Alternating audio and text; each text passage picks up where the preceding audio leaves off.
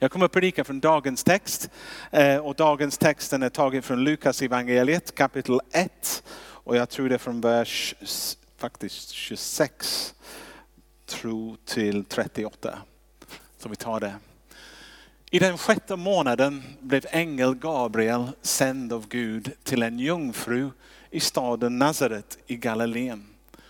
Hon var trolovad med en man som hette Josef och som var av Davids släkt. Och jungfruns namn var Maria. Ängeln kom in till henne och sade, gläd dig du som har fått nåd, Herren är med dig. Men hon blev förskräckt av hans ord och undrade vad denna hälsning kunde betyda. Då sade ängeln till henne, var inte rädd Maria, du har funnit nåd hos Gud. Du ska bli havande och födde en son. Och du ska ge honom namnet Jesus. Han ska bli stor och kallas den högste son. Och Herren Gud ska ge honom hans fader Davids tron. Han ska vara kung över Jakobs hus för evigt och hans rike ska aldrig ta slut. Då sade Maria till ängeln, hur ska detta ske? Jag har ju inte haft någon man. Ängeln svarade henne, den heliga ande ska komma över dig och den högstes kraft ska vila över dig. Därför ska barnet som föds kallas heligt och Guds son. Och din släkting Elisabet är också havande med en son på sin ålderdom. Hon som kallades ofruktsam är nu i sjätte månaden för ingenting är omöjligt för Gud. Och Maria sa det, jag är Herrens tjänarinna. Låt det ske med mig som du har sagt. Och ängeln lämnade henne. Jag tänkte också att vi kan ta en liten avsnitt också från Matteus kapitel 1 också. Det eh, stället som det handlar om när ängeln besöker Josef också, hennes man, eller blivande man. Men Jesu Kristi födelse gick det till så. så. Hans mor Maria var trolovade med Josef. Men innan de hade varit tillsammans visade det sig att hon var havande genom den heliga ande. Hennes man Josef var rättfärdig och ville inte dra skam över henne och därför beslöt han så att skilja sig från henne i hemlighet. Men när han funderade över detta då visade sig en Herrens ängel för honom i en dröm och sade Josef, Davids son, var inte rädd för att ta till dig Maria som din hustru. För barnet i henne har blivit till genom den heliga ande. Hon ska föda en son och du ska ge honom namnet Jesus. För han ska frälsa sitt folk från deras synder. Allt detta hände för att det som Herren hade sagt genom profeten skulle uppfyllas. Ska vi be. Herren vi tackar dig för, för ditt ord som är alltid levande, alltid aktuellt och alltid talar till oss. Och vi ber tala rakt in i vår hjärta, rakt in i vårt sammanhang nu. Och gör denna text levande för oss vi ber. I Jesu namn. Amen. Amen julberättelse om Jesu födelse har Guds fingeravtryck på den överallt. Eh, det är lite musik med predikan idag, det är okej. Okay. Det är okej, okay. var, var inte det. det. När man läser det, man, man säger det, det är typiskt Gud på något sätt. Om, om, du, om du tänker på saker, om vi människor skulle tänka på hur skulle vi göra det om, om, om Gud skulle komma ner till jorden. Det skulle vara någonting helt annat som vi tänkte ut hur det ska gå till, eller hur? Vi förmodligen skulle vara pampigt med fullt media pådrag. Det skulle vara stora rubriker, det skulle ske i en storstad, den mäktigaste stad i världen. Och alla världens främsta människor, kungar och presidenter som skulle vara där för att bevittna den otroligt händelse att Gud blir människa och kommer till jorden. Och det ska vara tv överallt och det ska rapporteras och pratas om överallt. Det skulle vara större än till och med OS eller någonting sådär. Om vi människor skulle tänka ut hur det skulle gå till när konungens konung besöker jorden. Men vem som helst egentligen som har haft förmånen att hänga med Gud ett tag skulle, skulle inse att nej, det, det, det skulle bli tvärtom. Gud är inte en sån. Gud fungerar inte på det sättet. Han har en vana att göra motsatsen till det som vi skulle göra. Eller vad vi skulle bruka göra eller bruka, hur vi tänker till och med. Han vänder upp och ner på saker. Och det som vi tycker ska bli pampigt, han tänker att göra det väldigt privat. Det som vi tänker ska vara privat, det ropar han ut. Och Bibeln pratar om att om du vill ha liv, då ska du dö. Och det är bättre att ge än att få. Allt nästan som har med Gud att göra är tvärtom till det som vi kanske i vår mänsklighet skulle tänka ut. Och jag tänker på den text som finns i Jesaja, eh, som, som skrivit 700 år innan. Mina tankar är inte era tankar och era vägar är inte mina vägar, säger Herren. Nej, liksom himlen är högre än jorden så är mina vägar högre än era vägar och mina tankar högre än era tankar. Gud, det, Gud är, är, Gud. Han, han är original, han herre med ingen. Han gör vad han vill, när han vill, hur han vill och på det sättet. För att han är Gud. Och eh, det är vi som kanske måste lära oss att, att förstå honom. Gud älskar att komma underifrån, inte ovanifrån. Han, han är otrolig på det sättet att han, han trivs med enkla människor egentligen. Han trivs, har ingenting emot att tillbringa tid med, med fattiga, med brustna, med kriminella. Med ensamma, med svaga, med sjuka och speciellt med dem som har inget hopp. Det är de människor han trivs med. Och jag tänkte också, det är märkligt även i julberättelse att han väljer inte en stor stad för att fira Jesu ankomst. Den första som får vittna den änglakören är några herdar ute i öknen. Han väljer ut de som ofta stöttas bort varje gång de kommer in i ett samhälle. Folk låste dörrarna lite och sånt. De, var lite, de hade svårt att komma ihåg vad var deras och vad var inte deras. Men han väljer just den gruppen att presentera den stora nyheten först. Därför att jag skulle säga det är typisk Gud på ett sätt. Den Gud som vi har lärt känna. Och vad står det i Bibeln också? Människor, dessa människor har alltid legat nära på hans hjärta. Det finns en bibeltext som är tagen från Lukas 19.10. Varför är det så? För att människosonen, det är ett sätt som, som Lukas använder för att beskriva Jesus. Jesus har kommit för att söka upp och frälsa det som var förlorat. Han älskar människor. Han älskar speciellt de som har, har gått snett på något sätt. Eller missat. Och han vill ingenting annat än att ta dem upp igen och börja välsigna dem och börja hjälpa dem på vägen tillbaka till det livet som var tänkt från början. Och det är därför, det är därför julens budskap är alltid goda nyheter. Vi firar att Gud kom för att rädda oss från oss själva och för att ge oss tillbaka livet. Och ge oss tillbaka det livet som vi var skapade för från början. Och därför är julens budskap en fantastisk budskap som ska predikas, som ska firas och ska eh, eh, på olika sätt också lyftas fram denna årstid. Nu, jag tänkte om jag skulle ge rubrik på denna predikan, jag skulle säga typisk Gud.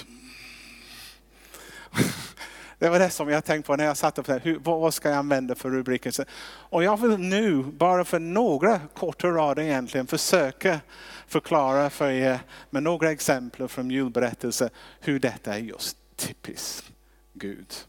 Eh, och hur underbart det är när det är typiskt Gud och inte typiskt mänskligt eller någonting annat. Det, det är befriande faktiskt att veta.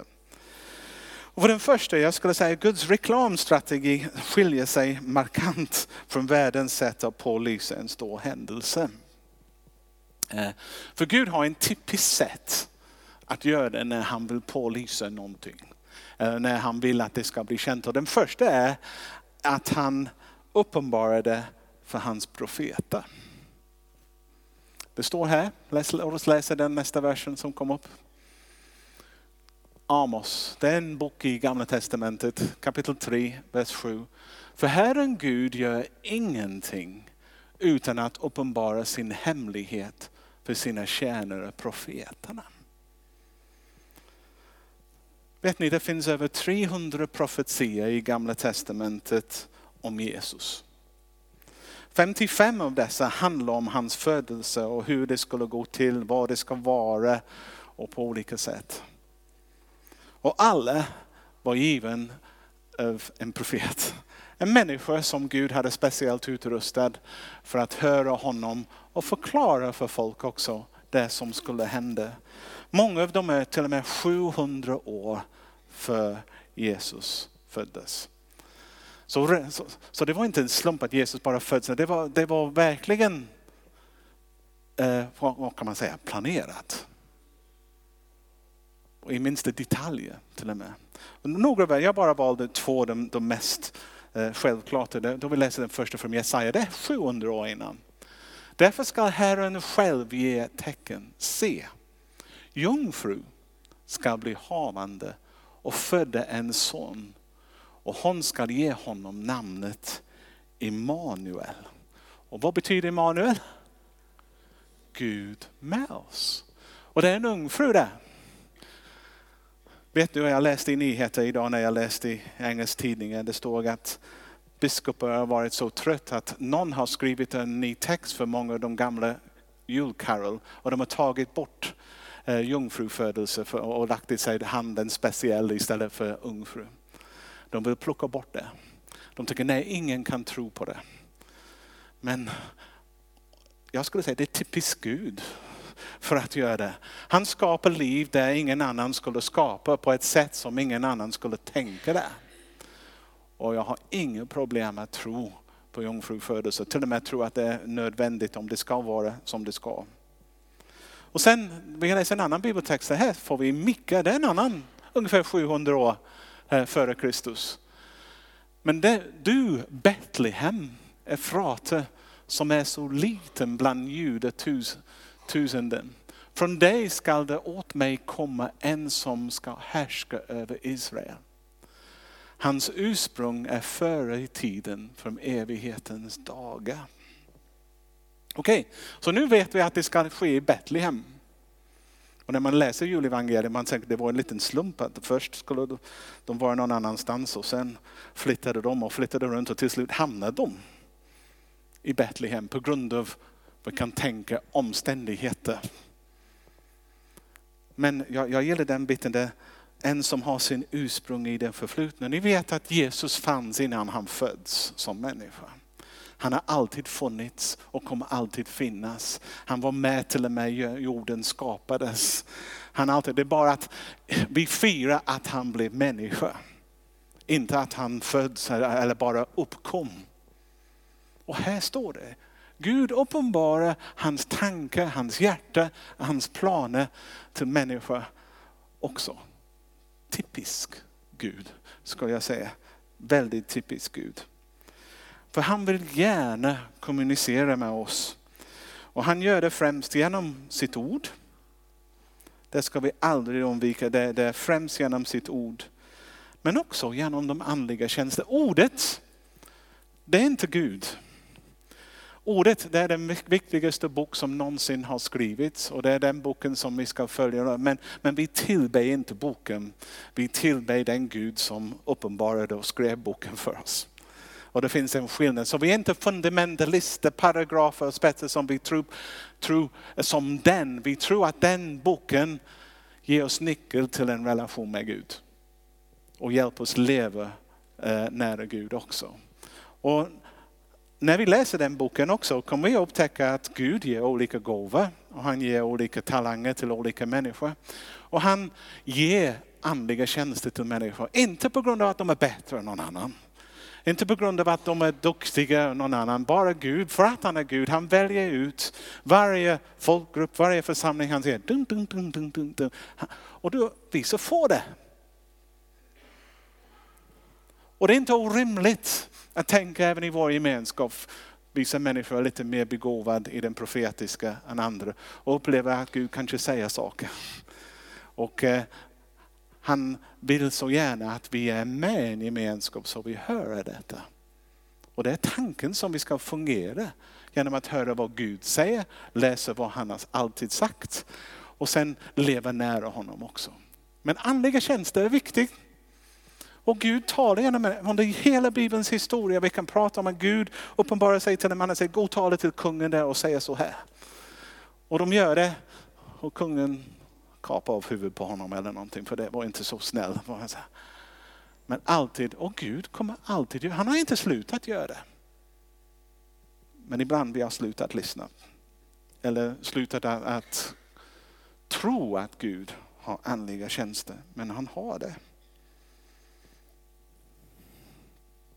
Om man tänker också, det är typiskt Gud att han skickat Johannes döparen innan. Han kunde haft änglar som viftade och flaggade och sagt till folket, ah, hallå, titta åt den hållen, Messias kommer. Men nej, han födde en profet som hette Johannes döparen. Och han får uppgiften att gå och vifta och säga till folk, hey, hallå, hallå, Vänd om en stund, titta åt detta håll. Här kommer konungens konung, här kommer Messias. Det är ett typiskt exempel att Gud använder en profettjänst för att hålla sitt folk vaken och, och fokuserad på det stora som han kommer att göra. Typiskt Gud ska jag säga. Sen kan vi tänka, men Gud valde en stjärna som tecken för allmänheten en stjärna.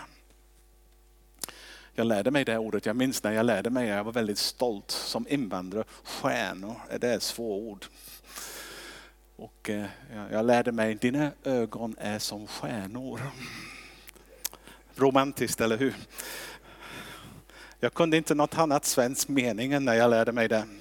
Jag bad några killar lära mig några svenska ord jag kunde använda och de lärde mig det. Och jag visste inte vad det var. Men en stjärna kan vi läsa om. Eh, vad, vad hade jag en bibelbord för det? Gud valde en stjärna. Och en stjärna fanns där uppe, uppe i himlen och de flesta människor fortsatt leva sitt liv och, och de märkte inte. Jag har skrivit så, eller lite bättre svenska. För de flesta gick denna tecken obemärkt förbi. De levde sina liv som vanligt och såg inte tecknet som Gud hade gett i himlen. Men för de som hade sin blick riktad uppåt mot en högre ting. Dessa såg att någonting var på gång. Att någon försökte kommunicera någonting. Denna stjärnan var någonting utöver den vanliga. Det ligger någonting bakom och deras sökande efter vad det skulle betyda till slut ledde dem fram till Jesus barnet i krubben. Men först hade de sin blick uppåt. Och det, det, säger någonting också. Det finns många människor som går och lever sitt liv, tänk inte att det finns en Gud. Tänk inte på, på att det, det finns någon som försöker nå oss. Men, men för dem som tänker Gud finns du och har blicken uppåt är Gud väldigt nära. Och det är typiskt Gud att ge tecken för dem. Att hjälpa dem hitta vägen framåt. Det är typiskt Gud. Deras sökande också kommer, kommer leda till frukt. Det står en annan bibelvers som jag plockade ut. Jag älskar de här bibelverserna. Det står i Psaltaren 53, vers 3. Gud blickar ner från himlen över människors barn för att se om det finns någon som förstår, någon som söker Gud. I den bibelöversättning som jag använder, det, det, det, står så här, från himlen ser Gud ner på människor för att se om det finns någon med förstånd. Okej? Okay? Någon som frågar efter Gud. Jag minns eh, i England, det, det finns olika klistermärken som folk eh, sticker på bakdelen av sina bilar. Och det fanns en som ofta förekom under jultid och det, det står Wise men seek Jesus. And then dot dot dot, they still do. Okej, okay, visa männen eh, söker Jesus. Och visa männen fortfarande söker Jesus. Och jag gillar det. Eh, det, det, det står i Matteus 7 också, vad är det 7? Be och ni ska få, sök och ni kanske finna. Ni ska finna. Och det finns någonting där, den stunden vi vänder blicken för att Gud finns du där? Eller jag vill, jag vill lära känna dig, så fort vi börjar göra det, jag lovar dig, himlen öppnas. Och Gud, det går inte obemärkt för Gud när en människa börjar vända blicken uppåt istället för utåt eller neråt eller inåt. Det alltid leder. Och, och, jag har sett det så många gånger. Så, människor som börjar, man ser deras resa, de börjar titta upp, Gud, finns du där? Och jag, jag tar det lugnt. Folk säger, du ska se, du försöker få dem frälsta. Nej, det behöver inte. Gud har dem. Gud har dem. För jag vet att om de på allvar menar det när de säger jag, jag vill söka Gud, jag vet att de kommer hitta honom. För han vill inget annat heller än att hitta dem. Han till och med vakar över, finns det någon som, som börjar vända blicken, låt mig komma, låt mig möta. Och om du någon gång när du lever ditt liv, du får en tanke, skulle ringa dem eller säga något till. Det är förmodligen så att om Gud lägger någon människa på ditt hjärta att säga någonting, du kan, oh, de kommer inte bli intresserade. Jag lovar dig, om Gud har lagt det på ditt hjärta, han har redan lagt det på deras hjärta. Och det bara ge liv och frukt. Det är typiskt Gud. Väldigt typiskt Gud.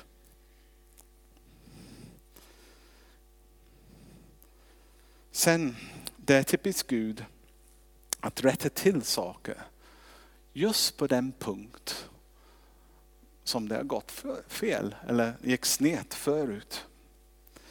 Ibland hör jag kristna som säger i deras bön, tack Gud att du har kontroll. Och jag tänker, jag är inte säker att Gud gör kontroll. Jag är inte säker att han har kontroll alls på det sättet som vi ofta tänker. Jag kan tänka att många människor har hängt upp sig på den kristna tro för de tror att det är Gud som har ordnat allt i detaljer och att varje flygplanskrasch eller varje hemsk sak som händer det är Guds plan. Jag hade en kompis som bröt ryggen i en motorcykelolycka och någon säger att det var tydligen Guds vilja. Jag säger, ursäkta mig? Vem är den Gud du tillber? Som planerar hemska saker för människohänder. Det är absolut inte, jag tror inte Gud gör kontroll. Det är det vi människor sysslar med. Och till och med om vi gör kontroll eller har en kontrollande ande eller typ så, vi kommer aldrig hitta Gud. Det är någonting som vi sysslar med, inte som Gud. Det är inte typiskt Gud kontroll i alla fall. Gud sysslar med relationer som tack, du påminner oss i början. Och han skapade oss med en fri vilja och han respekterar den fri vilja också. Och kommer aldrig bryta det. Och jag tänkte, hur kan man förklara detta på en enkelt sätt? Det är lite grann så att jag har ordning hemma. Jag har en hustru. Nej. Men eh, vi kan ha kontroll, eller vi tror vi kan ha kontroll, men när vi fick barn. Man märker snart att det är inte du som har kontroll, det är den lilla klump som bestämmer allt vad man ska göra, eller hur? Du tror att du har kontroll, men det har du inte. Och när de också, de, de, är ditt, de är dina barn och sånt, men, men eh, du kan, så länge du har en relation med dem, kan du påverka dem på ett annat sätt. Och du försöker påverka dem på, på rätt sättet. Och då närmare du är till dem, desto mer du kan påverka dem också. Så är det med Gud och oss.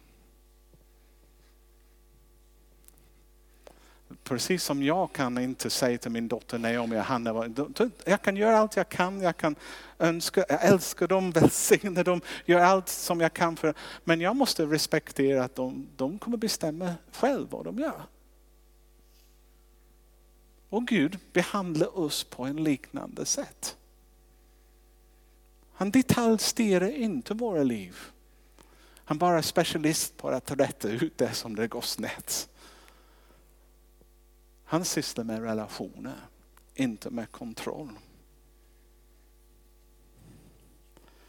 Därför är det fel att anklaga Gud för allt det som går fel i livet. För det är inte det som han gör. Det är inte hans fel. Tänk på detta nu den med djurberättelser. Det, det är typiskt Gud. Att synden kom in i världen genom en kvinna som lyssnade till fel röst. Okej, okay. du kan läsa det om första Mosebok kapitel 3. Och hon åt en frukt. Och till och med hennes man som hade tydlig instruktion från Gud att inte äta det också, han gjorde det. Så jag säger inte att hon är värre än sin man, men, men hon var först. Och på grund av detta har det växt enorm kvinnoförakt i olika kulturer och sånt. Till och med om du är en ortodox jude idag, du skulle stå upp i synagogan och tacka Gud att jag var inte skapad en kvinna. Och det hela spårar tillbaka till detta. Så om synden kom in den vägen, att Jesus väljer en kvinna att föra in livet. Det tycker jag är typiskt Gud. Det som gick snett, han fixar till och gör det till en välsignelse istället. Och istället för att föra in synd och sen konsekvenser, han för in liv och liv i överflöd och försoning och godhet och sånt där. Jag säger, det är så Gud. Det är typiskt Gud. Och att när han uppstår från den döde, vem är den första han uppenbarar sig till? En kvinna. ja, häftigt. Typiskt Gud, förlåt. Men det är det. Och så är det med oss ofta också. Hans sätt att hantera oss också. Just den punkt som vi misslyckas är det ofta den plats han tar oss tillbaka till och, och för in liv just på den punkten och för oss tillbaka till, till det som, som Gud har för oss. För han kommer för att ge oss liv och liv i överflöd. Ja, till sist.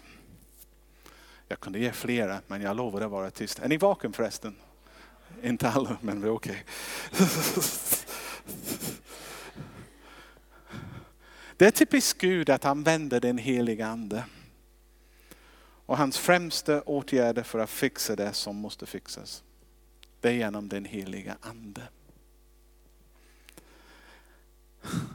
Det som skiljer kristna från andra religioner är just att de har en relation med Gud. Det, det, handlar inte om att följa en massa paragrafer, följa en massa regler och lagar och följa en skriven ordning. Det doftar lite kontroll i min värld, eller hur? Och det är inte det som Gud sysslar med. Vad jag sa är, Gud sysslar med relationer relationer Och hur sker den här relationen? Ja, det sker genom den heliga ande som möter med vår ande. Och när vi bjuder in Jesus genom den heliga ande och det möts med vår ande, ett nytt liv föds. Och vi blir en helt ny människa. Ja, det finns en pingstvän här. Det är roligt att du kom Rudi. Jag kan predika länge så länge det finns någon som säger halleluja, amen. Lite det hjälper verkligen. Det är den helige ande som skapar liv. Utan den helige ande finns inget liv.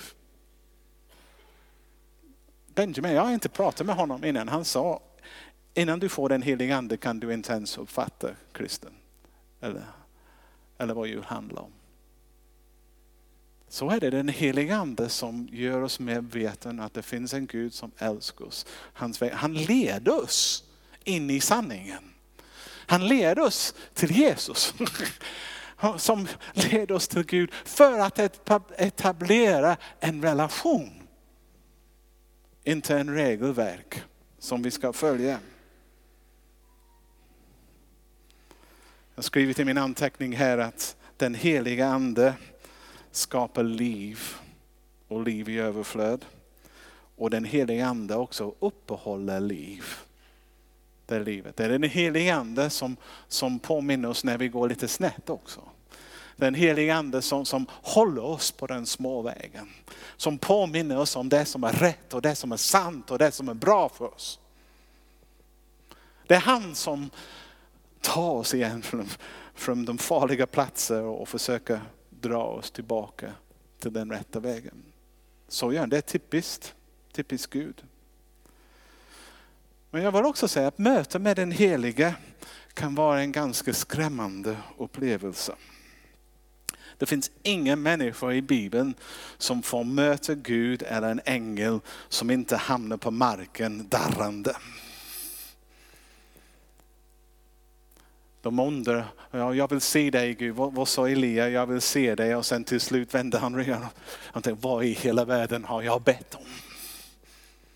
Och det är någonting i den helige som när det möter den kötsliga som vi är, som vi, vi mår obekvämt. Det är någonting som, som vi märker att man inte är värdig. Det finns någonting som, som känner som oj, oj, oj, oj. Och jag, jag bara läste idag, jag hade min vanliga daglig läsning i Uppenbarelseboken kapitel 1 och det står att en ängel kommer över till Johannes där och han drrr, rädd igen.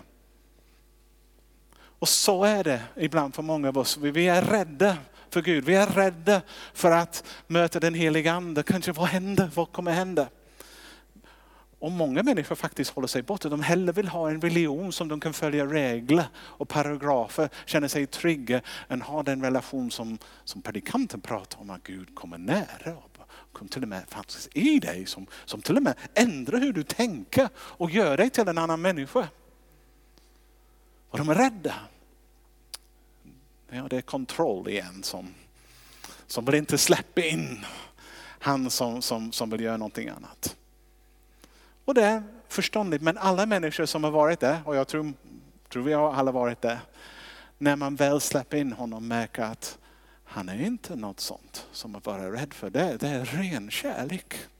Och till och med när han kommer in, han födde saker i oss som vi mår så bra av. Och för den första gången i våra liv vi börjar känna oss hel.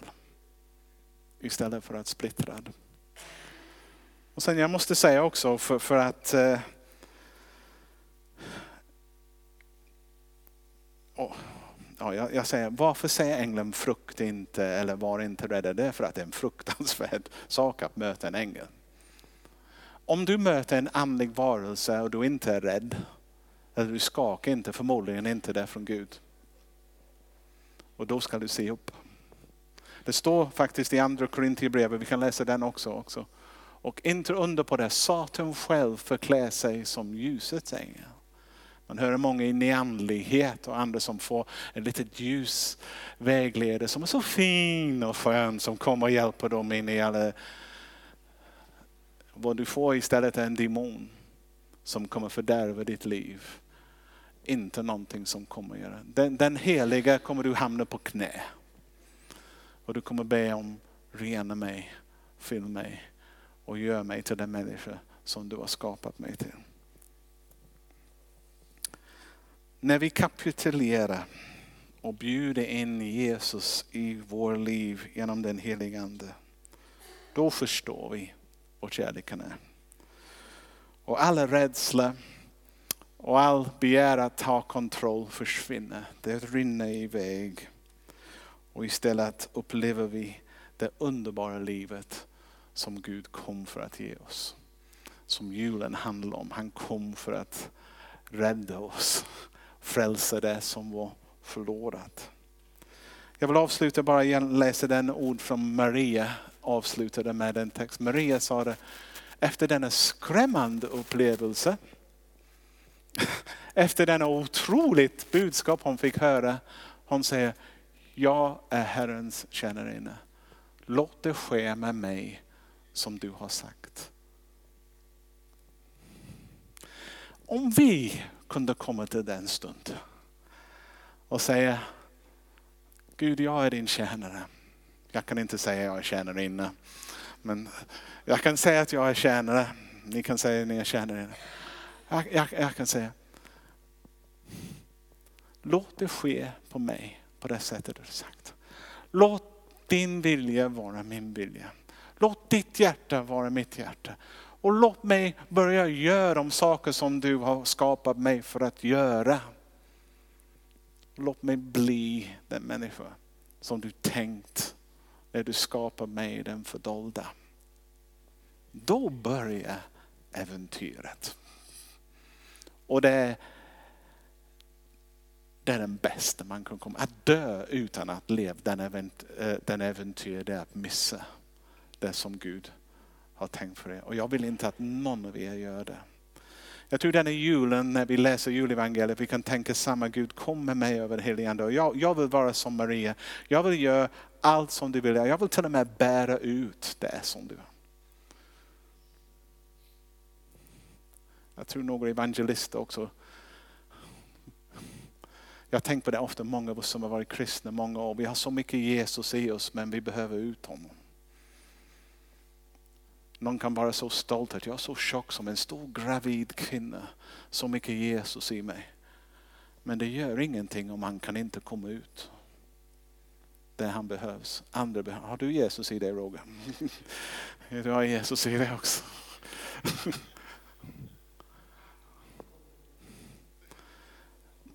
Du kanske haft en härligt andlig upplevelse. Du har kanske upplevt hur det, hur det är när den heliga rör vid dig. Men ändå behövs denna hela vägen. Men Gud, okej, okay, jag har mött dig. Nu hjälper mig leva ut det som du har fött in i mig. I Jesu namn. Amen.